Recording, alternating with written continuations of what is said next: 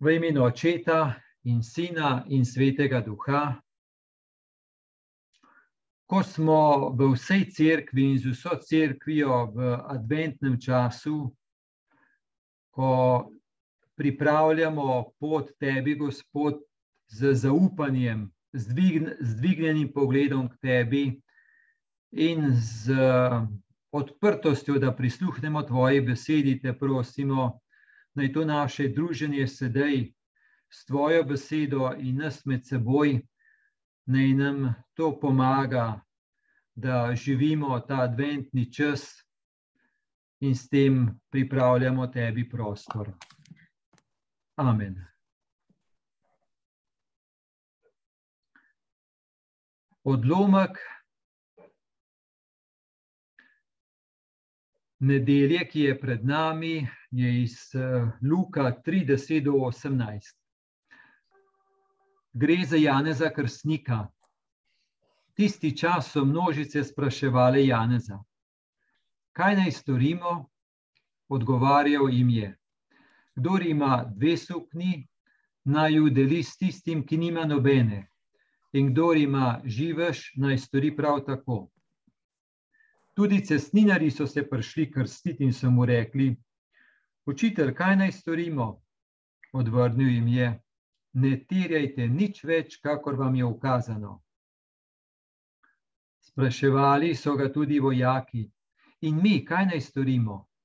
Rekel jim je: Nikomur ne grozite in nikogar ne izsiljujte, ampak bodite zadovoljni s svojo plačo. Ker pa je ljudstvo živelo v pričakovanju in so se v srcu vsi spraševali o Janezu, če ni morda on Mesija, je Janez vsem odgovoril: Jaz vas krščujem z vodo, pride pa močnejši od mene in jaz nisem vreden, da bi mu odvezal jermen njegovih sandal. On vas bo krstil svetim duhom in ognjem. Vevnico ima v roki, da bo počistil svoje mlatišče in spravil žito v svojo kaščo, pleve pa se žgal z neugasljivim ognjem. Tako je torej Janez še z mnogimi drugimi opomini oznanjal ljudem evangeliji.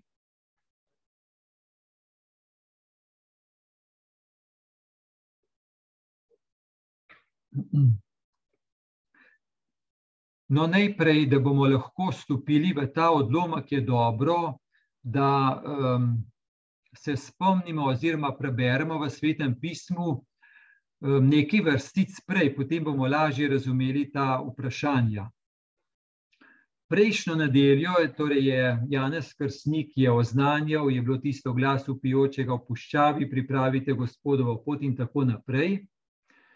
No, in potem pravi v svetem pismu, če beremo, pravi tako: Množicam, ki so prihajale k njemu, da bi jih krstil, je torej govoril: Gadja zalega, kdo vam je pokazal, kako naj ubežite prihodnji jezi, obrodite vendar sadove vredne spreobrnenja.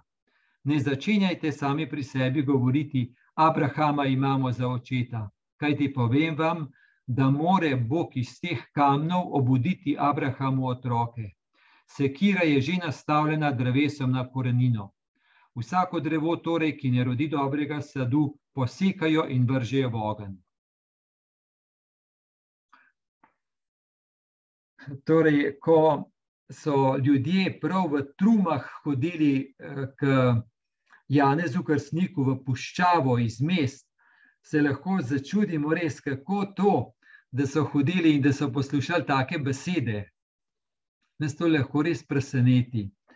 Če se uživimo v te ljudi, da so slišali take besede, in um, torej to, itak se predstavljamo, lahko Janeza, kako ognjevito in srdito je govoril, in potem še take besede slišati, res skoraj grozeče.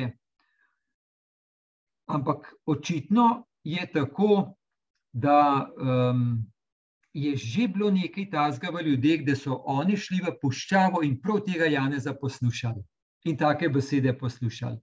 Očitno so čutili, da on ima ene bistvene besede o življenju in da jim pokaže eno slepo pego.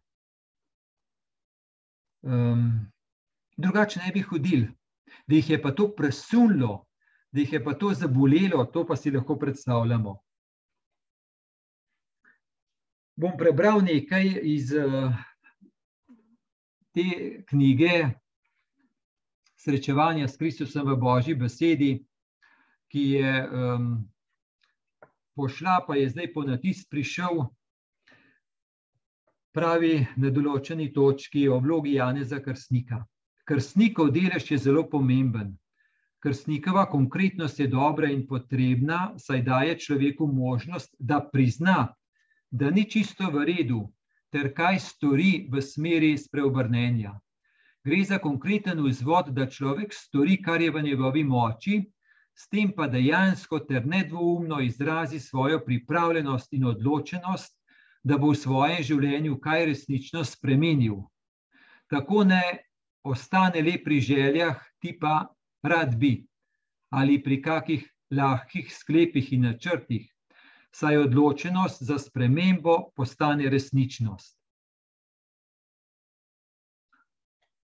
Silvano Fausti pravi na eni točki, človek ni tak, kakršen je, kar si zdaj je le izhodišče, da boš s pomočjo razločevanja in svojih odločitev postal to, kar boš.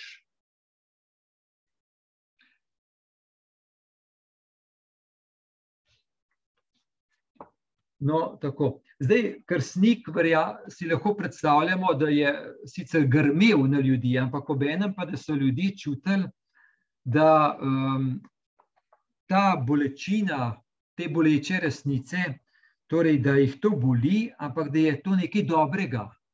To je pomembno. Torej, da je taka beseda, ampak da je iz ljubezni in iz zdrave skrbi za njih. Zato gre. Ker to si lahko predstavljamo, da nekdo lahko začne nekaj kritizirati, pa jamrati, pa se pritoživati. To je pač razlog, zakaj nekdo tako dela, je lahko tudi egoističen, naprimer, drugega spraviti v mojo vizijo, drugega narediti po mojem okusu, drugega spraviti v red po mojem okusu. To je nekaj. Ampak da so oni čutili, da res gre za njih, za njihovo dobro. To je, ne? Torej je lahko boleča resnica, ampak je odrešujoča. Lahko je pa boleča resnica, pa samo boleča, pa neč drugega. Torej, lahko je boleča, da boli, ampak gre v smer spremembe, ustajenja, odrešenja lahko je pa boleča, samo na križ pribije, pa človek tam ostane. To so različne stvari. Zdaj se spomnim, ko sem bil eh, študent, torej ne vem, star naprimer kakšnih dobrih 20 let in ko smo bili v eh, skupini eni, mm, pač ta študentska skupina, ne, No, in um, na eni določeni, na enem srečanju se spomnim, je ena od v skupini, nas je bilo enih deset noter, mi je ena vpriča vseh, ki smo bili na srečanju, rekla ene take besede, da me je vsaj tri mesece bolel. Ampak res bolel, ker me je tako špikala v eno točko, nekaj je šlo v zvezi z tako, rekel, nekaj v zvezi z odnosom s punco, ob enem mojem odhajanjem od doma, pa tako naprej. In me je tako špikala, tako, kot je pač ona znala, to je bil tudi en poseben dar, ki ga nima vsakdo, ampak tako v živo točko, prav gotovo pa tudi v moj ponos, tako močno, da se prav spomnim, no, kako sem se pobiral en čas, ampak vem pa, da sem pa vse čas čutil, od začetka, ki me je bolel, sem čutil, da mi je to rekla v dobro, da mi je iz tega rekla, ker je mar do mene. To, ne, to sem pa čutil to pa. Me pa boleli, pravi, vsaj tri mesece, ne vem, kako, kako smo se gledali, pa če sem kaj govoril, ampak sem pa stalno čutil, da ja, je res to, je res to, je res to. Torej, očitno je že tako, da je ta inštanca, kritična inštanca, torej Janeza Krstnika, da je kar potrebna na poti odrešenja. Nekaj, da nas drma, nekaj, da nas premakne in da tudi mi lahko pa pokažemo, ali res hočemo drugače ali ne. Se potem bomo videli, ni vse v naši moči, ampak da se pa saj začnemo premikati, da ne ostanemo pri tistem, kar je. To je pa res, kot da rabimo nekoga, ki nas mar z roka.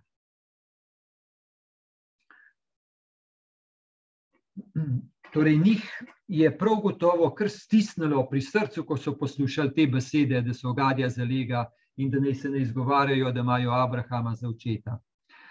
Bi rad spomnil na Petrov govor na Binkošni praznik v apostolskih delih, drugo poglavje, lahko to beremo, takoj je govoril Peter. Zagotovo naj torej ve vsa Izraela, Izraelova hiša. Tega Jezusa, ki ste ga vi križali, je Bog naredil za gospoda in mesija. Ko so to slišali, jih je do srca pretreslo. Rekli so Petru in drugim apostolom: Bratje, kaj naj storimo? Peter jim je odgovoril: Spreobrnite se, vsak izmed vas naj se da v imenu Jezusa Kristusa krstiti v odpuščanje svojih grehov in prejeli boste dar svetega duha. Torej je ta beseda, do srca jih je pretreslo, tako je prevedeno. Ne? In je tudi direktno rekel: Vi ste ga križali, vi ste to naredili, vi ste odgovorni za to. No, in so postavili to vprašanje, kaj naj storimo. To je naš, nas, naš ta prvi stavek v našem odlomku. Tisti čas so množice spraševali Jane, zakaj naj storimo. To se pravi, nekaj jih je pretresel, to, da so rekli, da ja, nekaj pa res treba narediti. Škoda je, da bi tako ustali.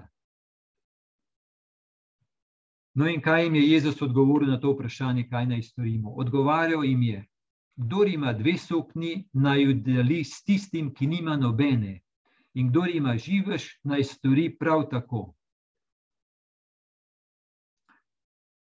Kaj to pomeni? Kdo ima dve sukni, naj jih deli, in kdo ima živež, naj stori prav tako. To se pravi, tako ljudem na splošno jim je rekel, najbolj splošno, kar bi rekel, da za vse ljudi velja, jim je rekel, delite z drugimi to, kar imate. To, kar ste, delite z drugimi. Torej, pomeni ena smer ljubečega odnosa z drugim, pomeni ene pozornosti na drugega, pomeni vključevanja drugega, pomeni, da mi je mar za bližnjega, pomeni, torej, da se naredim bližnjega drugemu človeku torej, da drugega vključim v svoje srce, pa v svoje življenje. Torej, eno je to neujetost v skrb zase, zaskrbljeno zase, ki nas lahko tako okupira, da druge v potrebah sploh ne vidimo. Tudi zato, ker mi smo tako narejeni, da kar spontano gledamo tistega, ki ima več in bi hotel še imeti gledamo spontano tistega, ki mu bolje gre, da bi še nam bolj šlo. To se pravi, vedno gledamo tistega, ki je pred nami, pa ga hočemo doseči. Kaj pa bi bilo, če bi nazaj pogledali, se pravi, nazaj obrnili in gledali, kdo ima manj, da ne bi tekli k tistem, hotel doseči tistega, ki ima več, ampak da bi pogledali nazaj, kdo ima manj, pa k njemu šli, pa mu kaj delili. Ker prav gotovo ima pa vsakdo, prav vsakdo, kaj, ki ima več kot drugi in lahko z drugimi deli. Torej, kam gledamo, je kar pomembno. Kaj hočemo, je kar pomembno. Ker mi, če, hočemo, če gledamo tistega, ki ima več in da bi ga še mi dosegli, tudi, ki ga bomo dosegli, bomo sami. In biti sami, to je pa največja lakota in tudi oddaljenost od Božjega kraljestva. Potem pa gledati nazaj, kdo nima in ljubeče stopiti in deliti, pa pomeni, pa stopimo v stik z nekom. In to je pa je rast Božjega kraljestva, rast odnosov, rast občestvenosti in tudi preseganja zaskrbljenosti v sebe, ko druge vključujem. Torej, ni treba, da bi nas nekdo prišel prositi, teku za nami, ti imaš, da mi, ampak da mi vidimo in delimo. Torej, gre za sočutje, za vključevanje drugega. Krstnik ne reče v tem smislu, da, da morajo vse dati, ampak deli. Če imaš dve, pa da je eno drugmu. Če imaš živeš, deli to, to reče. Ne, ne kar vse, nekaj pa. Bi rad na tej točki spomnil na papeža Frančiška, zato ker on tolkrat govori uh, o tem,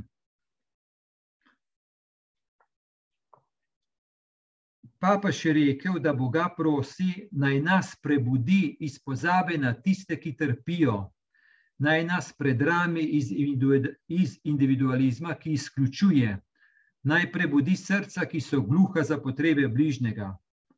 Prosim za vsakega človeka, premagajmo paralizo strahu, brezbrižnosti, ki ubija, cinično nezainteresiranost, ki žametnimi rokavicami obsoje na smrt tiste, ki so na obrobju.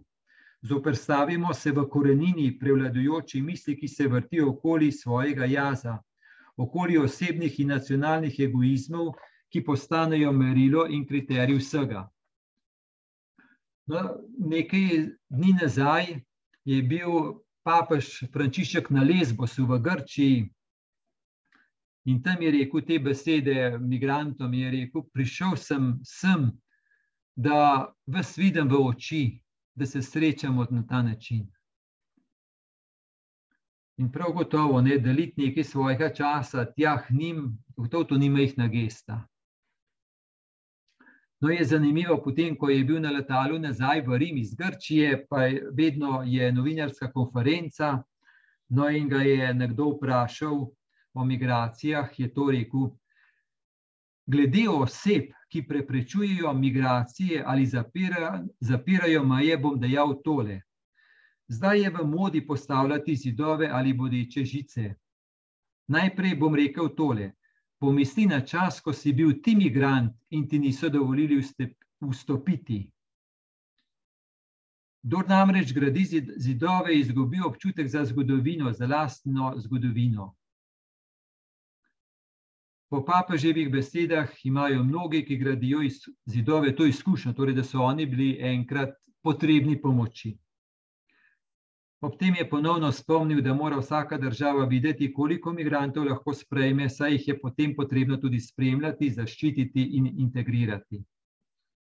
No, ta zadnji stavek, ko je bila prva kriza migrantov, ta zadnji stavek, on ni govoril, je rekel: Spremite. No, zdaj pa je postal bolj, bolj celostno, da tudi ve, da se ne more kratko sprejemati, ampak zelo realistično. No, to papež, to pa on o tem ogromno govori. Če ne bomo razrešili problema migrantov, tvegamo, da bo naša današnja civilizacija v Evropi potonila. Tako on reče. No, to je gotovo eno vprašanje delit, delitve. delitve. Torej, je na makronivoju, pa tudi na mikronivoju. Torej, se lahko to vprašamo, ali smo sposobni deliti, kar smo in kar imamo z nekom, ki ima manj. Pa za stonsko deliti, za to gre. Ne? Tudi v medsebojnem odnosu, tudi v zakonskem odnosu, da za stonsko delim. Da ne rečem, le jaz sem to, če ti moraš biti tako, mene posnemaj, ker sem jaz tako fejst ampak da nekdo ve, da tukaj mi pa Bog dal en dar, pa ga delim z drugim, brez da bi ga bilo treba poniževati, pa sebe gor ulačati. Zato gre. Torej, delitev je lahko tudi na mikronivoju. No, potem so ena posebna kategorija, cestninari so se prišli krstiti in so mu rekli, učitelj, kaj naj storimo. Odvrnil jim je, ne terjajte nič več, kakor vam je ukazano.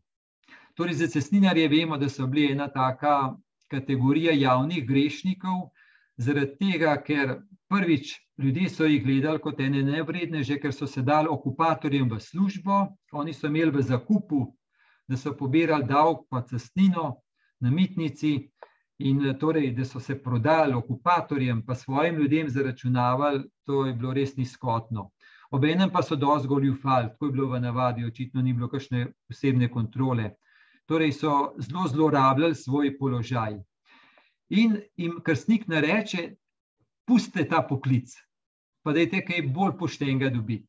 Ampak jim je rekel, um, bodite pošten v tem, bodite pošten. Um, poglejte ljudi, bodite pošteni do njih. To jim je rekel, bi rekel, nič tako revolucionarnega, ampak bi rekel, bod za res to v vsej pravičnosti, kar ti je dano, pa kar ti je zaupano. In spoštuj ljudi, ne glej na se, ne glej na svoj egoizem, ampak upoštevaj ljudi.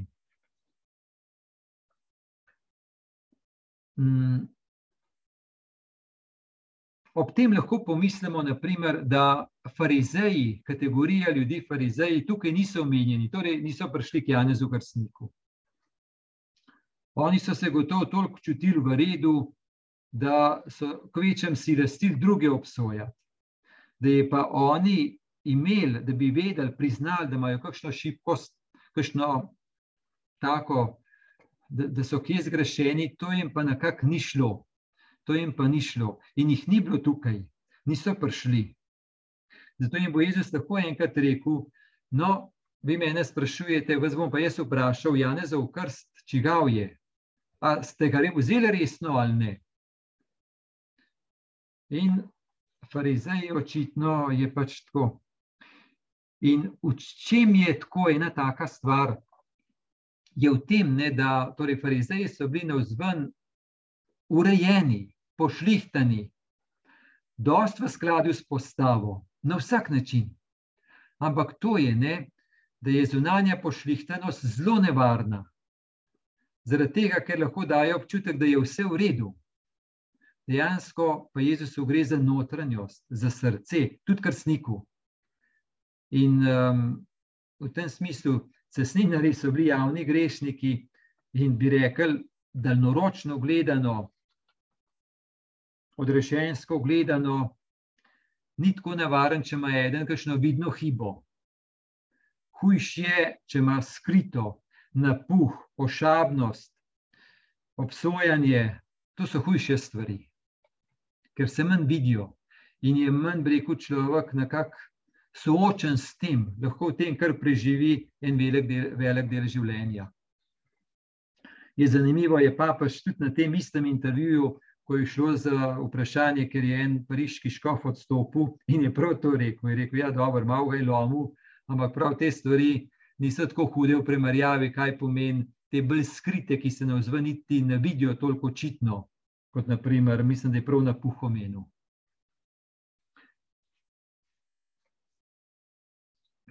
Torej, smo bili pri cestninarjih, In uh, očitno jih je ganilo, kar jim je rekel, da jih je skregal in so bili pripravljeni kaj spremeniti. So rekli, da ja, res ni v redu, res ni v redu, ker smo ga lumili, res slepi smo bili. Nekako potegnili nas je za seboj, vsi cestninari, ko so delali, in nas je potegnili za seboj, pa res želimo kaj spremeniti. Torej, ta pripravljenost nekaj spremeniti je zelo, zelo pomembna. Ker če ostane samo pri želji, to, to, ni, to ni kaj dosti, ampak da so pa prav konkretno, da se da človek čuti, da čuti, za to gre. Potem so pa vojaki, spraševali so ga tudi vojaki, in mi kaj naj storimo. Rekel jim je: Nikomor ne grozite in nikogar ne izsiljujte, ampak bodite zadovoljni s svojo plačo. Torej, na tak sodoben način bi rekli, ne zlorabljajte svoje moči, svoje fizične moči, svoje institucionalne moči. Pač imeli so orožje, bili so močni in so lahko grozili en, dva, tri, in pa tudi institucionalno moč, ne, ker so bili v rokah Rimljanov in so, in so imeli eno veliko moč. No, in je zanimivo to, no, da jim ni Janez Krstnik rekel, um, pustite ta poklic, to je en pokvarjen poklic, najte si kaj boljšega. Ampak jim je rekel, dobro, če ste vojaki, pa potem bodite pošteni v tem in dobri do ljudi. Ne bodite egoisti, ne izrabljajte svojega položaja na račun ljudi, za svojo korist, za svoj egoizem. Nehajte s tem. Bodite zadovoljni s svojo plačo, Kakšno so imeli, ne vemo. Ne? Včasih je res, da država v določenih javnih službah, še posebej ti, ki imajo moč, za nalaž manj plača, zaradi tega, ker vejo, da bodo pojo oni že sami znali denar iz, ljubi, iz ljudi dobiti, pa to poj tolerirajo. Ne mar se kje stvari gredo na ta način. No, mislim pri nas, ampak tako sem pa doživel na kakšnem drugem koncu sveta, koliko je treba policaju, da te spusti in, in se ve, da tako funkcionirajo stvari. Ne. Torej, ni jim rekel, nehajte s tem, ampak um, jim je rekel, kako to delate, Na kakšen način to živite? A upoštevate drugega? A gledate samo na sebe? Z ljudmi ravnate, ljudje so to. No, tako jim reče. Naprej odlomek. Ker pa je ljudstvo živelo v pričakovanju in so se v srcu vsi spraševali o Janezu, če ni morda on Mesija, je Janez vsem odgovoril. Jaz vas krščujem z vodo, pride pa močnejši od mene in jaz nisem vreden, da bi mu odvezal jermo njegovih sandal. On vas bo krstil svetim duhom in ognjem. Torej, je zdaj prav, da kakšno besedo rečemo, torej Janezov krst, krst v vodi, Jezusov krst, svetim duhom in ognjem. Da so ljudje ob Janezu krstniku pomislili, da je on Mesija. To lahko si predstavljamo, ne? ker če si je on eh, tako ognjevito govoril, z eno veliko notranjo močjo, z eno tako bistvenostjo, ten sred puščave, ko ni imel nič, edin tiste par oblek na sebi, pa vse drugo, drugo nič. In tam bil, torej vse prečutil, premislil Božjo besedo ljudi in to očitno je vedel, kaj se v ljudeh dogaja. Zato jim je tako lahko rekel, ni bil zdaj čisten zaprt nekaj. Torej, ko so ljudje to čutili, so pomislili, če je on ta Mesija. No, pa je tako jasno rekel, da on ni to. Torej, Janezov krst lahko si na ta način malo poenostavljeno, ampak na ta način si lahko predstavljamo. Torej, Janezov krst zaključuje staro zavezo in je to kot voda, ki odplakne zlo, um, in da je človek potem lahko dobije nov sunek, da reče: Možno je drugače, želim, hočem naprej drugače. Vse bom naredil, da bo naprej drugače. Se pravi, ena velika odločenost, ena velika pripravljenost. E, torej, voda, ki jo odplakne, umije, nekaj odplakne, da lahko človek gre naprej z novimi močmi. To je Janezov krst. Včasih tudi mi v novi zavezi tako živimo, ampak je razlika. Tako lahko rečemo, ne, da Janez krstnik reče, um, jaz vas umivam v tej vodi. Torej, Kristus pa vas ne bo umil samo v vodi, ampak vas bo potopil v svetega duha. Krstiti pomeni, dobesedno v grščini pomeni potopiti. Torej, krstnik v vodo, medtem ko Kristus pa potopi v svetega duha. Tako ne boste oprani le greha, ampak boste potopljeni v božje življenje. Zato gre. To se pravi, en je krst, ki odplakne grehe, da tisto gre proč, drugo je pa, da Kristus v svetem duhu, pa v ognju, pa da smo deležni božjega življenja, svetega duha. Podobno kot, kot sem že prejšnjič rekel, v ko imamo pri krstu vprašanje ali pa za velikonočno vigilijo, se spomnite tiste, ali se odpoveste hudemu duhu in tako naprej, so to prvo vprašanje, pa ali verujete, je v dveh delih. Ne? Nekaj, da gre slabo proč, da nočemo več slabo služiti, da ga pustimo, da gre proč. In da gre proč in da na vsak način želimo dobro. In da imamo eno odločenost za to, eno pripravljenost. Ne samo eno, ja, pa bi bilo morda res boljš, ne eno za res pripravljenost. No, in to se pravi, ko je ta krst, ki nekaj odplakne, je potem Kristus, ki potopi v svetega duha, da smo potopljeni na močen v Božje življenje. Torej, Božje življenje, smo že kdaj rekli, ne Božje življenje, Božje kraljestvo je občestvenost, je povezanost v Kristusu z očetom in pa nas med seboj, da smo brate in sestre v veri. No, in to nam pa Kristus prinaša. Vse čutimo, malo Janez Krstnik, kaj jim je rekel. Je rekel, zdaj pa pojdite nazaj v svoje življenje, pa se potrudite. No, Jezus je pa še nekaj drugega, torej on pa da odpuščanje da svojim odpuščanjem stopi v vse tisto, kar je greh hudega naredil. Da Kristusova ljubezen dopolni. Ena taka dobra podoba, ki mislim, da nam bo lahko kaj uh, povedala, je od uh, Terezije iz Lizija. Ona je svojo izkušnjo tako opisala, je rekla, jaz sem pod stopnicami, Jezus je pa na vrhu stopnic. Jaz bi rada prišla gor, ga gledam Jezusa, pa bi rada prišla gor, ampak ne gre. Prav jaz, kar lahko naredim, je, da poskušam nogo dati na prvo stopnico. Mi ne uspe dati nogo na prvo stopnico, ampak poskušam. In to je dovolj, da Jezus pride k meni, pa me vzame v naročje, pa me on nese tja, kjer je on. Oziroma, sem že v njem. Tako je ta preprosta podoba, ampak zelo močna. To, kaj pomeni ta Janezov krstena pripravljenost nekaj spremeniti, za res.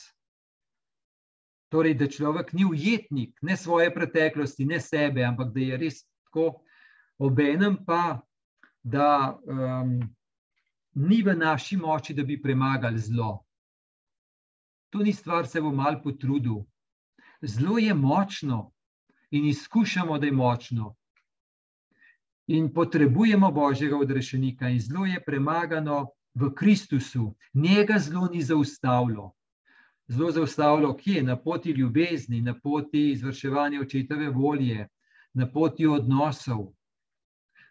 Torej, on je edini, ki je zelo premagal. Če bi mi mislili, potrudili se bomo, pa bomo že se rešili, je to res naivnost.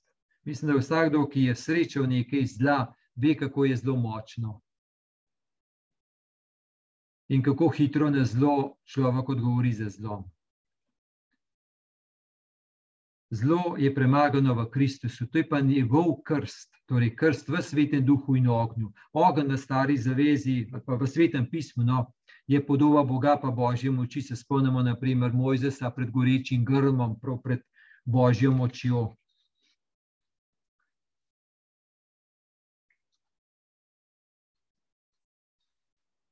Torej, zla mi ne moramo, ne sami premagati, ne odplačati.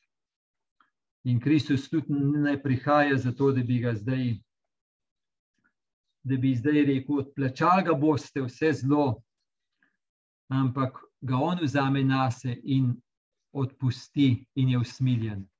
To je nekaj tazga, kar verjetno tudi Janez Krstnik tisti trenutek še ni poznal in ni mogel vedeti. Tudi za Janeza Krstnika bo Mesija, podoba Mesija, bo tudi drugačna, kot, jo kot jo je pričakoval. Vidimo, te besede pravijo, zadnje besede v našem odlomku. Velnico ima v roki, torej ta Kristus, ki prihaja za njim. Velnico ima v roki, da bo počistil svoje mlatišče in spravil žito v svojo kaščo, pleve pa se žgal z neugasljivim ognjem. To se pravi, tukaj lahko zaslutimo, no, kako je Janez Krstnik si predstavljal, da bo Mesija, bo pa res rit naredil. Definitivno. No, in uh, potem pa je ta Kristus, ko je prišel, se je pa nekako razvidel kot tak, ki ima eno potrpežljivost s človekom, z grešnikom, eno ljubezen z grešnikom. Torej, Jezus res je tako razumel očeta, da je oče takšen, da želi dati svoje usmiljenje in svoje odpuščanje in svojo ljubezen prav vsakomur, ki je pripravljen to sprejeti. Torej, da ni kriterij ta, koliko je človek v redu in bo to božje ljubezni deležen. Koliko se bo potrudil in bo to božje ljubezni deležen, ampak da je človek deležen božje ljubezni, zato ker jo Bog želi dati, ker je on takšen, ker je Bog ljubezen in jo le želi dati, in je vesel, da jo človek sprejme. Um, tak se je razudel um, Jezus Kristus. Um, malo drugačno, torej, ker snik si ga je gotovo drugačen predstavljal. Zato ni čudno, da potem, ko bo krstnik v ječi, bo prišel v dvom, a je naprav ga pokazal. Ker mu ni šlo v račun, kako to ne, da krstnik ostaja v ječi, ta mesija pa nič ne naredi. nič reda ne naredi. Ja, Božja ljubezen je res, res posebna. Božja ljubezen je res, da Kristus da ne prihaja zato, da bi poročunal z nami, pa rekel, zdaj te pa odplačali vse. Ampak da reče, bo mesto zil nas. Vi pa bodite svobodni, vas osvobodim zla, zato da bi vi lahko živeli med seboj, lepo in dobro. Vas osvobodim za mer od Boga in pred Bogom, zato da bi vi mu lahko zaupali. To je Bog naredil, to je Kristus potem pokazal, pa naredil. Torej, zlo je premagano z božjim odpuščanjem. Boga odpusti, da ga le mi pustimo Bogu. Torej, ker snik že govori v to smer, da, da, da, da se človek zave in da se usmer, ampak dopolnitev pa je v Kristusu. Ko zdaj ta čas um, v Adventu je tudi ta prav čas, da uh, za pripravo na spoved. Torej, smo rekli, spoved ni v tem, da mi pridemo k Janezu Krstniku, da nam pove, kaj ni v redu, pa nas odpošle, pa reče, da se potrudi. Tudi to, ampak ni samo to. Spoved je zakrment Božjega usmiljenja, pomeni, da mi gotovo da priznamo, kje ne gredo stvari v redu. In da želimo drugače, in da priznamo, da ne moramo sami drugače. In je spoved prav to, Gospod, ti se me usmili, ti imaš usmiljenje, ker mi smo že, poznamo že Kristusa, ker snika še ni, mi ga pa že, mi smo ga pa že deležni. No, in tako ne bo ta čas tudi en, kdo ležali, tudi en čas priprave na spoved, pa, pa spovedi in srečanja z Božjim usmiljenjem. Tako zaključujemo, naj vas spremlja vse Božji blagoslov, blagoslov Boga Očeta in Sina in Svetega Duha. Hvala z Bogom. Tako blagoslovljen advent naprej. Hvala, Bogom.